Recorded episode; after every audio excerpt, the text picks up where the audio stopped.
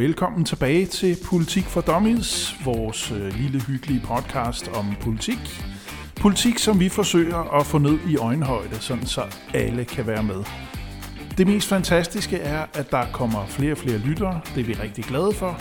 Men husk at gå ind og fortælle dem, I kender, at der er noget, der hedder Politik for Dummies, sådan så vi kan få endnu flere.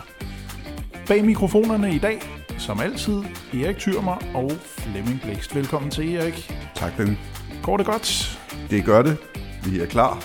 Der har været øh, gang i det politiske her over den øh, forgangne weekend, øh, og vi skulle måske sige, at øh, i skrivende stund, så øh, er det mandag, og øh, vi er i fuld gang med at forsøge at indtale endnu et afsnit af vores øh, podcast. I den forgangne weekend var der øh, politiske landsmøder. Der skete en hel masse der. Øh, det vender vi selvfølgelig tilbage til i dag. Det er simpelthen uundgåeligt at, at snakke om. Der er masser at snakke om der. Men hvis jeg tænker tilbage på forrige afsnit, så talte vi også en del om, om økonomien, hvor vi begyndte at gætte på nogle ting, øh, som, som kunne risikere at ske lige rundt om hjørnet. Og, og nogle af tingene er så småt begyndt at vise sig.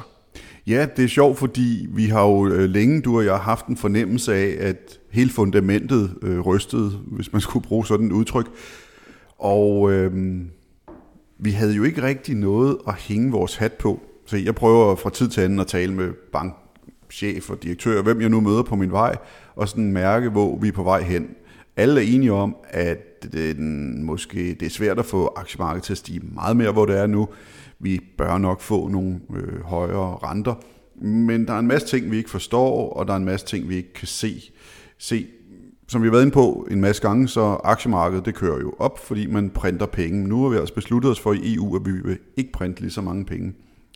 Så leder man jo altid efter det, man kalder et black swan øh, moment, eller altså der en udefrakommende situation, som vælter alle brækkerne. Og nu her øh, til morgen, og faktisk i går morges, der fik vi så billedet på, hvad det kunne være. Og det, det er simpelthen en virksomhed, der hedder Evergrande, som øh, er en af de, hvis ikke den største virksomhed i verden inden for ejendom i Kina.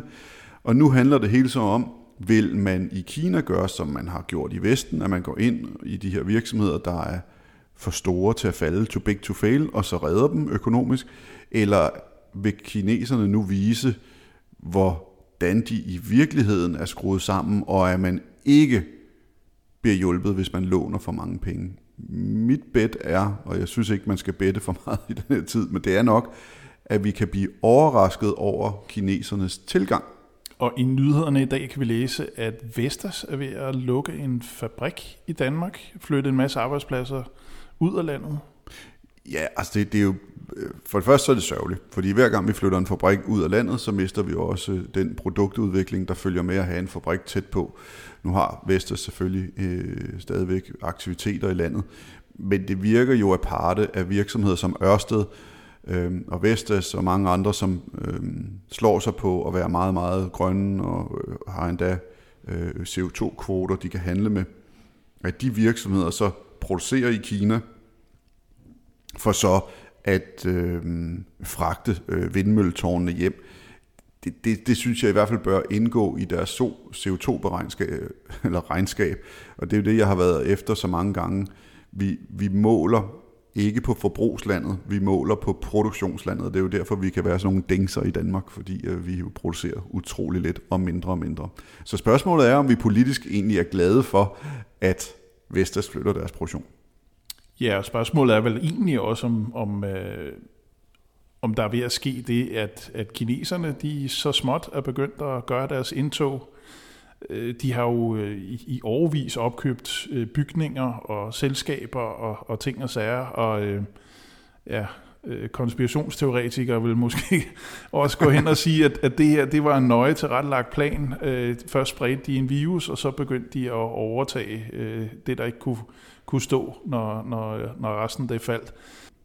Hvis man skulle tage Flemming... Eller, eller er det helt ude i overdrevet, det her? Nej, men altså, hvis du, hvis du skulle lave sådan en ond plan, som i en James Bond-film, hvad vil du så gøre? Først slippe en virus løs, og så vil du... Øh, så vil du finde en kur, og så vil du få alle til at juble og tro, at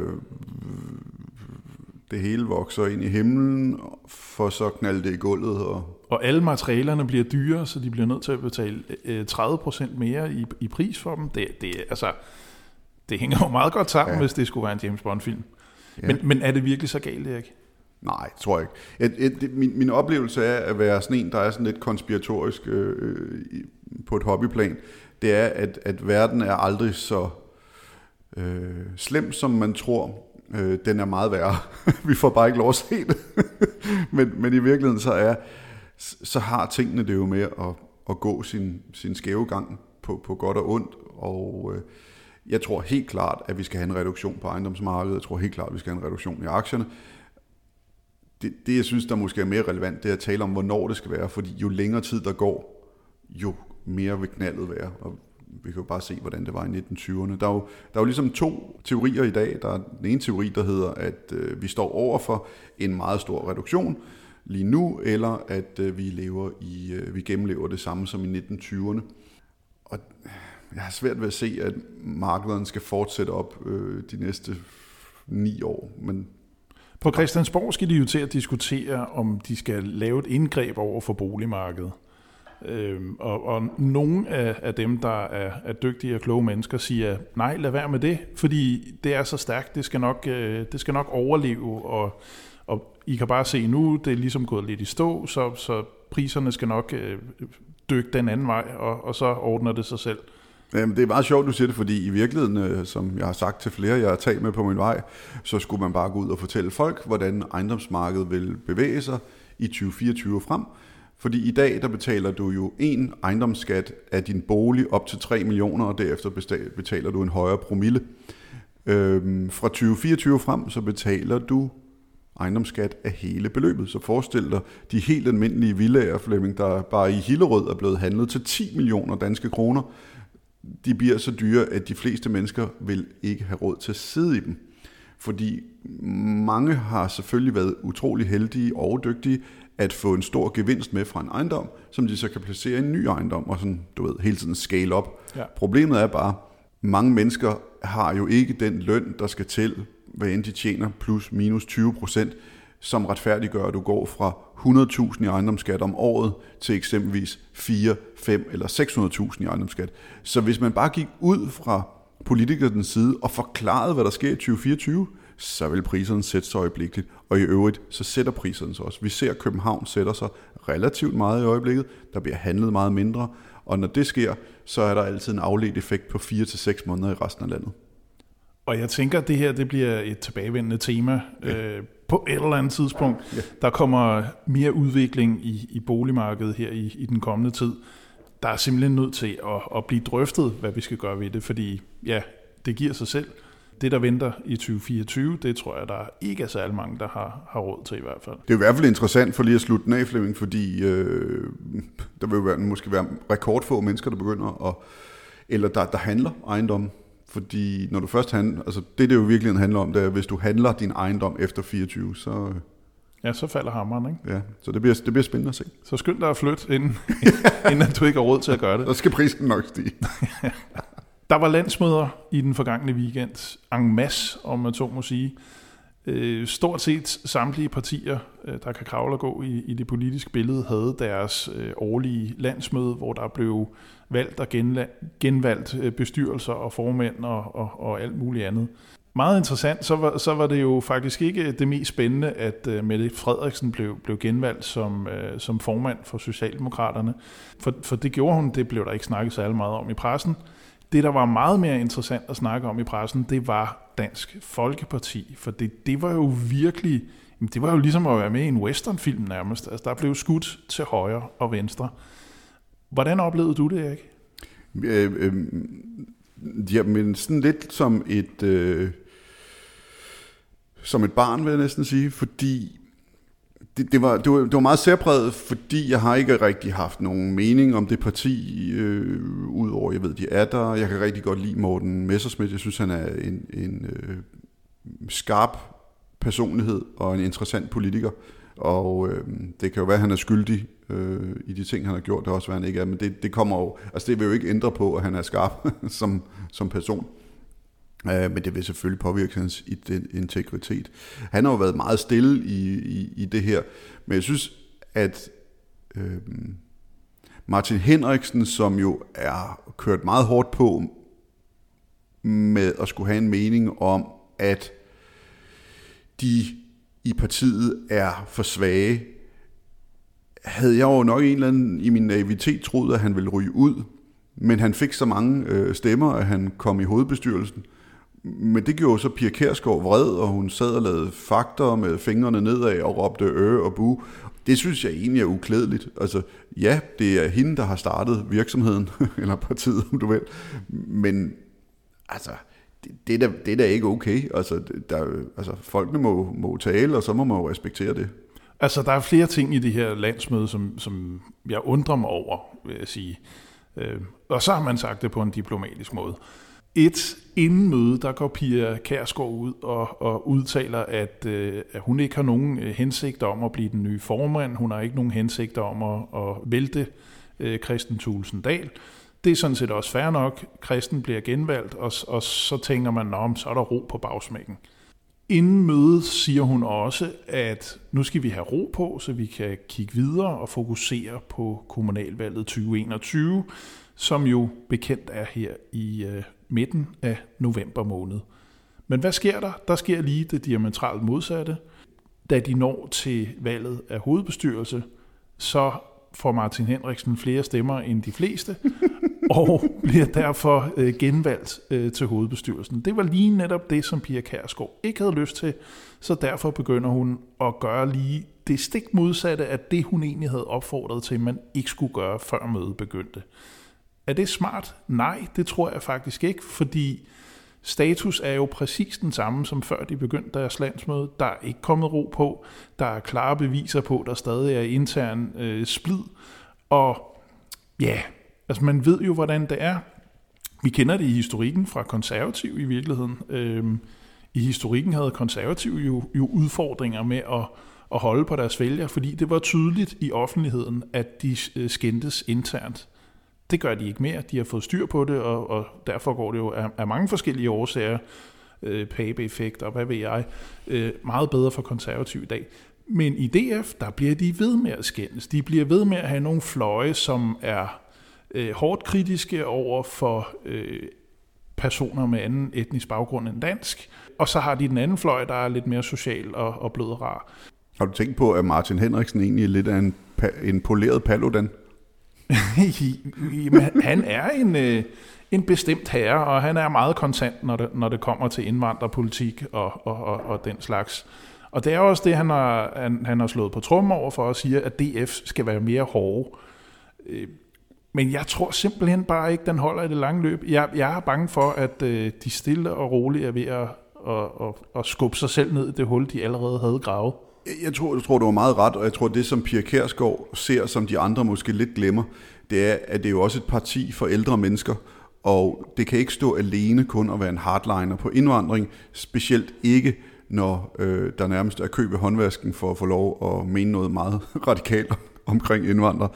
Øh, så jeg tror, der ser hun faktisk noget, noget klogt, men jeg synes stadigvæk, at det er øh, ukul, at fordi folk ikke stemmer det, man selv synes, at så bliver man sur og stramtantet. Det, det er simpelthen ikke okay. Altså, der, der har hun været for længe i politik.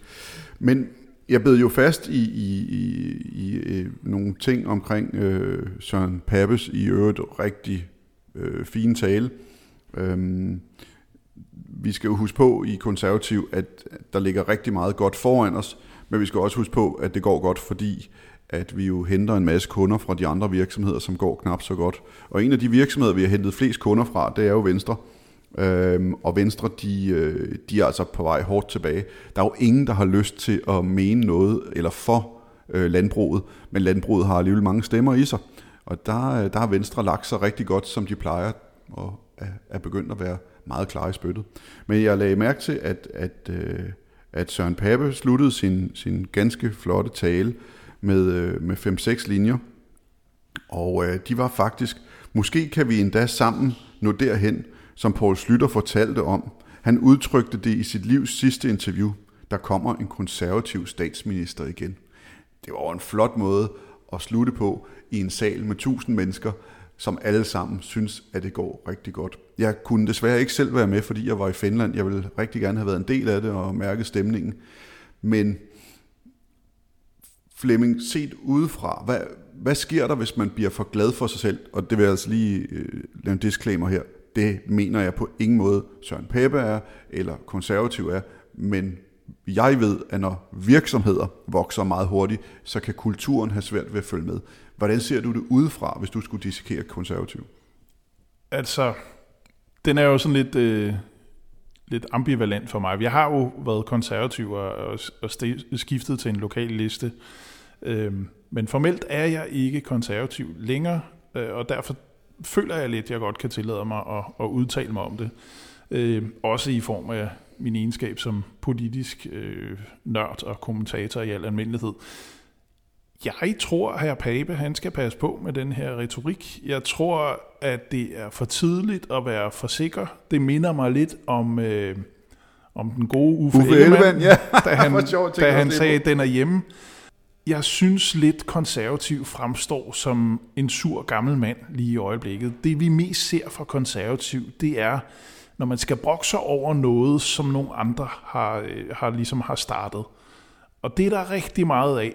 Øh, specielt inden fra Christiansborg og Søren Pape, det er meget tit og ofte noget, han, han ikke er tilfreds med i forhold til, hvad andre har gjort. Vi ser det også i, i lokalpolitik, vi ser det også i Gribskov.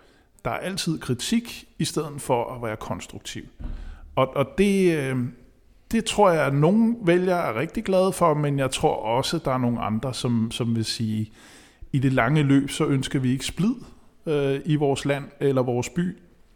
Vi vil meget hellere have, at vi kan fungere sammen i fred og fordragelighed, i stedet for at gå og brokke os som sure gamle mænd. Og nu skal jeg selvfølgelig alting over en kamp her, øh, og, og, og det er ikke nødvendigvis sådan i virkeligheden. Men den der øh, sikkerhed og det forspring, som konservativ har lige nu, det tror jeg ikke kan overleve, hvis ikke man selv bringer noget nyt på bordet, hvis ikke man selv kommer med noget politisk indhold, som der rent faktisk er nogen, der kan sige, ja, det der, det er faktisk genialt, det var en god idé, det må vi have, i stedet for, at de skal forholde sig til noget, som nogle andre er sure over. Øh, jeg er ikke sikker på, at den er hjemme for, for Pape. Øh, slet ikke endnu. Jeg synes i hvert fald, at han gør det utrolig godt, og jeg synes, at, at det virker som om, at der er en, en ro i partitoppen, og det kan vi jo se mange steder. Det er det, der jo er, er nøglen til alt, det er, når der er ro i partitoppen. Men det får mig lidt til at, at, at have lyst til at spørge dig, øh, med de mange års erfaring, du har. Jeg følger meget med i Lars Løkke og Moderaterne. Øh, jeg synes også, det er et spændende projekt. Han er også lokal her, hvor, hvor vi bor, så ja, ja, selvfølgelig og, følger vi med. Og ham, der tog mig med i Disruption Rådet og sådan noget, så jeg har, jeg, jeg har kun øh, sympati for, for, for de mennesker øh, og det arbejde, de laver. Jeg synes bare, det er så skægt at se. Øhm, det minder mig faktisk en lille smule om Trump, uden i øvrigt nogen som helst sammenligning til Lars Løkke, men, men det minder lidt om altså, øh, de her øh, talking heads, eller de her meget, meget dygtige og vidende øh, politiske... Øh, eksperter, der udtaler sig. Jeg ved ikke, om vi egentlig forsøger at nå derhen og blive sådan nogen. Men, en skønne dag. En skønne dag. Men, men ligesom at man hele tiden øh, øh, stemte Trump ud, og han kunne ikke komme ind, og han ville aldrig få lov at blive stillet op, og så ville han aldrig kunne vinde et præsidentvalg, og så ville han ryge ud efter en måned. Altså, men man sagde jo også, efter Biden kom ind, så vil man aldrig se ham i politik igen. Øh, altså nu, nu er han stort taget på vej tilbage, medmindre han kører. Jeg tror, han ender med, hvis han ikke føler, at han er sikker nok på at vinde, så kører han øh, sin, sin søn, tror jeg, i stilling. Nå, det var øh, et sidespor omkring øh, Trump, øh, som vi ikke behøver. Men det var mest ment i forhold til Lars Løkke, med at han øh, på, på sæt og vis jo bare bliver dømt ud hele tiden. Altså ja. det er jo super kikset at se på, at øh, jeg så en, en, over, øh, hvad hedder, en overskrift på en avis i, i weekenden, hvor der stod, øh, øh, Christiansborg har ikke brug for Lars Løkke, Lars Løkke har brug for Christiansborg, og hvad de ellers kan finde på at nedværdige en ting. Men altså nu er han inde, han har, øh, han har sit eget parti, og han gør det på sin nye måde. Der, det man glemmer, når nu man er smagsdommer, det er, at der er noget, faktisk noget rigtig smukt ved. Det kan være folk, der er eks-alkoholikere, det kan være folk, der har været gået konkurs, det kan være politikere, der har været statsminister to gange, som vælger en helt ny vej, fordi oh, ja. at de kommer med et helt frisk pus. Jeg tør ved med, Lars Løkke vil kunne sætte sig ned og sige, jeg ved alle de ting, jeg har gjort forkert de sidste 35 år, og jeg ved, hvad jeg skal gøre rigtigt nu. Og jeg vil så, for at komme frem til mit spørgsmål til dig, kan du nævne de fire partier, som jeg tror, Lars Løkke kommer til virkelig hæftigt at stjæle vælgere fra? Det skal lige siges, du har jo ikke fået lov at forberede dig. altså, der er selvfølgelig ingen som helst tvivl om, hvor Lars Løkke kommer til at, at hugge allerflest stemmer fra. Og det er jo fra det parti, som, ja, altså de har ikke haft noget landsmøde i den her weekend, og det er måske i virkeligheden ret sundt for dem. Venstre, de er i den grad øh, i krise, fordi en masse profiler har forladt dem. Deriblandt Lars Lykke, han fik øh, 40-41.000 øh, personlige stemmer ved, ved sidste folketingsvalg. Og derudover dem, der måske ikke stemte på ham personligt, der kan der være nogen, der øh, synes, han var en fantastisk mand, da han var i Venstre, og derfor også følger med ham over i Moderaterne, når de øh, til den tid har mulighed for det. Øh, så ingen tvivl om det. Jeg tror også, at der måske er nogle socialdemokrater, som siger, okay, vi kan godt lide den sociale del af, af, af politikken, altså den, der er sådan lidt midtersøgende, men, men skattepolitikken, den er vi måske ikke så glade for, så der, der, øh, der, vil, der vil vi hellere lidt ind på midten, øh, og, og, og derfor kunne jeg godt forestille mig, at en socialdemokrat også kunne finde på at, at, at stemme på moderaterne. Ja, det eneste, vi har hørt, han har udtalt sig om, det er, at han vil lave topskattelettelser. Intet andet ved vi jo. Vi ved ikke engang, hvem han øh, kommer til at stå med kandidater. Nej, det er jo selvfølgelig det største problem lige i øjeblikket. Altså, vi, vi, vi mangler lidt profilen af moderaterne, og, og hvad det egentlig er, de vil, øh, sådan rent politisk. Men vi ved trods alt, at de vil være midtersøgende.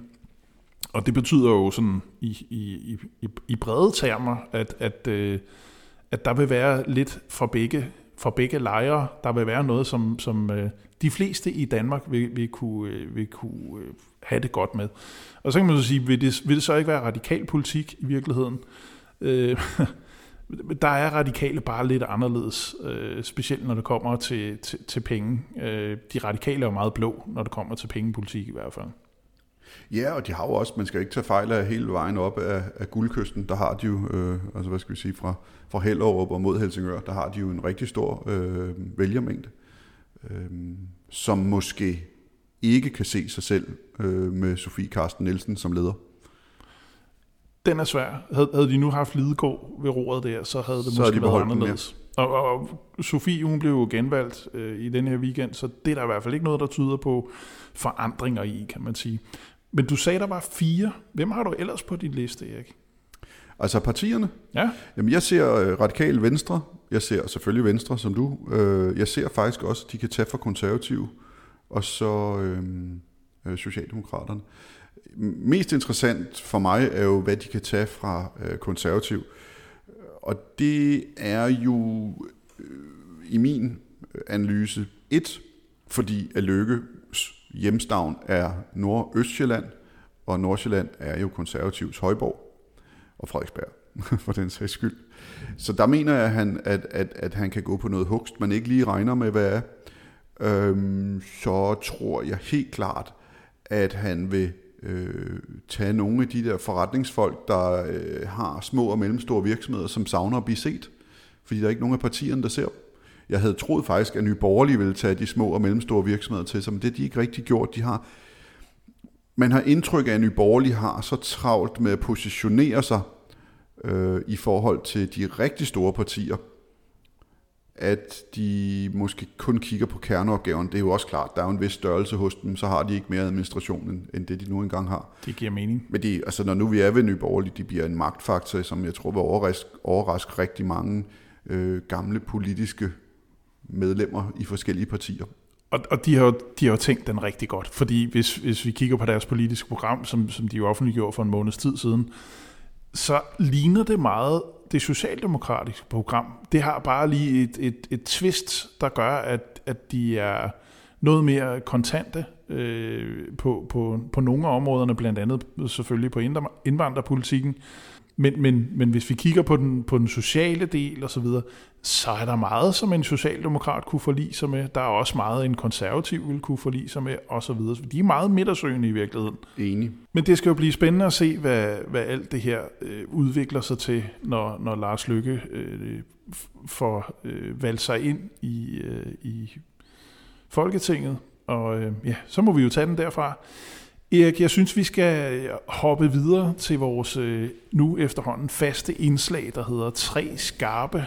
Og, ja. og det er vel at mærke tre øh, skarpe spørgsmål, som, øh, som jeg får fornøjelsen af at give et bud på, og så sidder vi altid og, og diskuterer lidt frem og tilbage om, hvad vi synes er rigtigt og forkert. Øh, har du en skarp? Ja, ja, det har jeg. Og jeg har tre. Og det, jeg synes, den første, den er lidt, den er lige under bæltestedet. Også fordi, nu har du ikke fået lov at forberede dig. Men jeg kan jo se, at mit eget øh, lokalparti, øh, der kan jeg jo se, at de, de, de kommer jo i store aviser som Berlingske Tidene, og de er meget synlige. Hvor er I? Og når du siger I, så er det så nyt Gribskov, ja. den lokalliste, jeg er en del af. Jamen altså, vi er faktisk øh, i fuld gang. Øh, man kan sige, at vi er ikke synlige i dagbladene. nu sidder du og griner af mig. Fordi jeg kan se, at du tænker rigtig meget. det er sjovt, det her. Øhm, men for eksempel, hvis du går ned i den lokale biograf, så kan du se en lille film, der fortæller om, øh, hvad, hvad, hvad vi har været med til at lave de sidste fire år. Og der er en masse andet på vej, som jeg selvfølgelig ikke kan afsløre, for så afslører jeg vores, øh, hvad kan man sige, kampagneplan, som det så smukt hedder. Øh, men vi prøver at møde øh, vælgerne på en lidt anden måde. Øh, for eksempel ude på gaderne, hvor de, hvor de handler og, og alle mulige andre ting. Så måske en lidt anderledes måde at føre valgkamp på, men vi har en masse, vi gerne vil ud og fortælle om, og derfor vil vi gerne være sikre på, at vi møder så mange som muligt. Og helst personligt, fordi det er trods alt det, der virker bedst. Det var det vildeste politikersvar, det der. Vi må hellere rykke videre til den næste. Det er derfor, det er sikkert rigtigt, det er derfor jeg prøver at blive politiker. Ja. Det ved jeg, det er du jo. Men det, jeg så skal høre dig om, det er, jeg bliver nødt til at tage den med igen. Trine Bremsen. Min uh, ja. politiske BFF, som jo vil er dig, som min politiske næste BFF, øh, Markus Knudt, altså nu har han de steder sagt, nu forlanger han Trine Bremsens afgang. Og det, det, jeg kan godt forstå, hvis du er en kulturminister øh, eller sådan noget, så må man sige, ja, okay, det var lidt en bummert. Altså det her, vi taler forsvarsministeren. Har du ændret mening? Kan hun blive siddende? Nej, jeg sagde jo sidste gang, at, øh, at det ville øh, stille og roligt forsvinde ud i glemslen, og, og, og jeg, jeg tror fortsat ikke på, at, at det får nogen konsekvens for hende. For det vil være et dyrt tab for Mette. Mette har ikke lyst til at, at, at, at, at gøre det offer, som hun måtte ofre Mogens Jensen i, i sin tid. Det kan jeg simpelthen ikke forestille mig. Og øh, hvis du lægger mærke til øh, pressen de sidste par dage, så har der været fokus på nogle andre ting og øh, landsmøder og hvad ved jeg. Og derfor, ja, der kommer der en notits om, at ja, det var måske ikke så smart, siger Trine, at, at, at hun tog øh, det skib i stedet for at, at sejle over med en rigtig færge og så videre og så videre.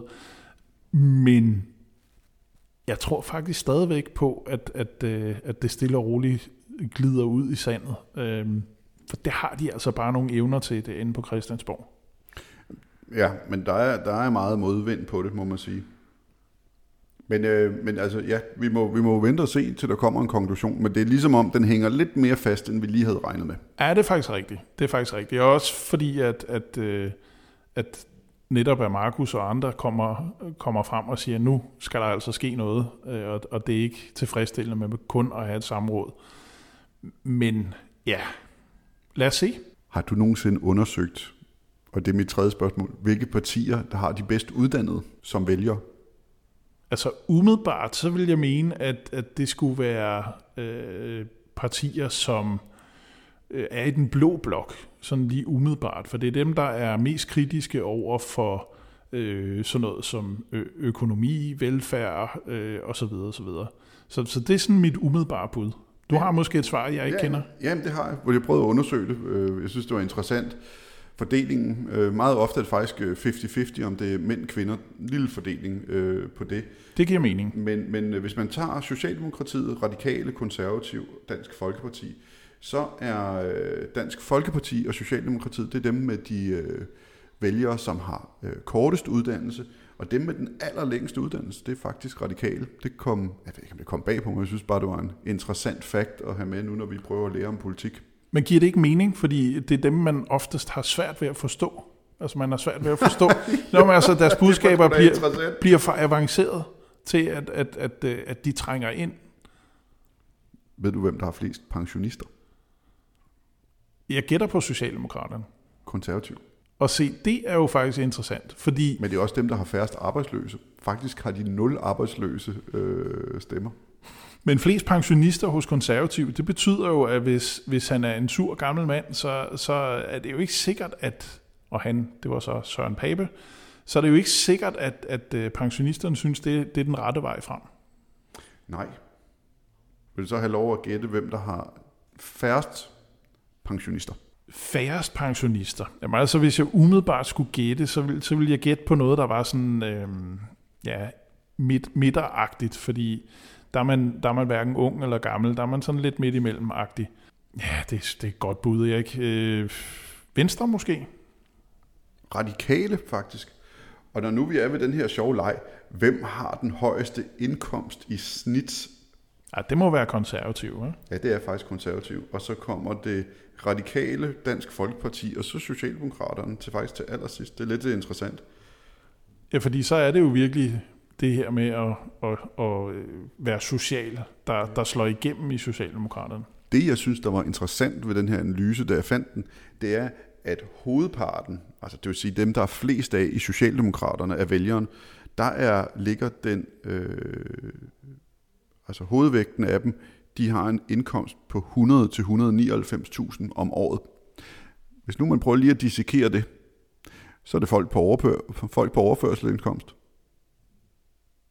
Fordi en person, der sidder nede i brosen og, øh, og hjælper en med at betale varer, tjener mere.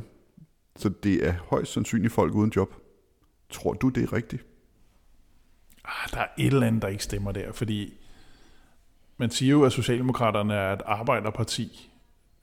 Og det betyder jo, at, øh, at der, må, der må virkelig være mange, der er, har lønindkomst og, og ikke er decideret arbejdsløse. Men 100.000 til 199.000 i årsindtægt, det er altså, der er vi jo nede og, og kigge på folk, der er på overførsel af en eller anden art. Ja, det, det har du fuldstændig ret i. Så øh, tallene må være rigtige. Der, der er jo ikke så meget at sige der. Og, og det forklarer jo måske også, hvorfor Mette Frederiksen og company, de har øh, en meget tung social slagside i den politik, som, øh, som de fører.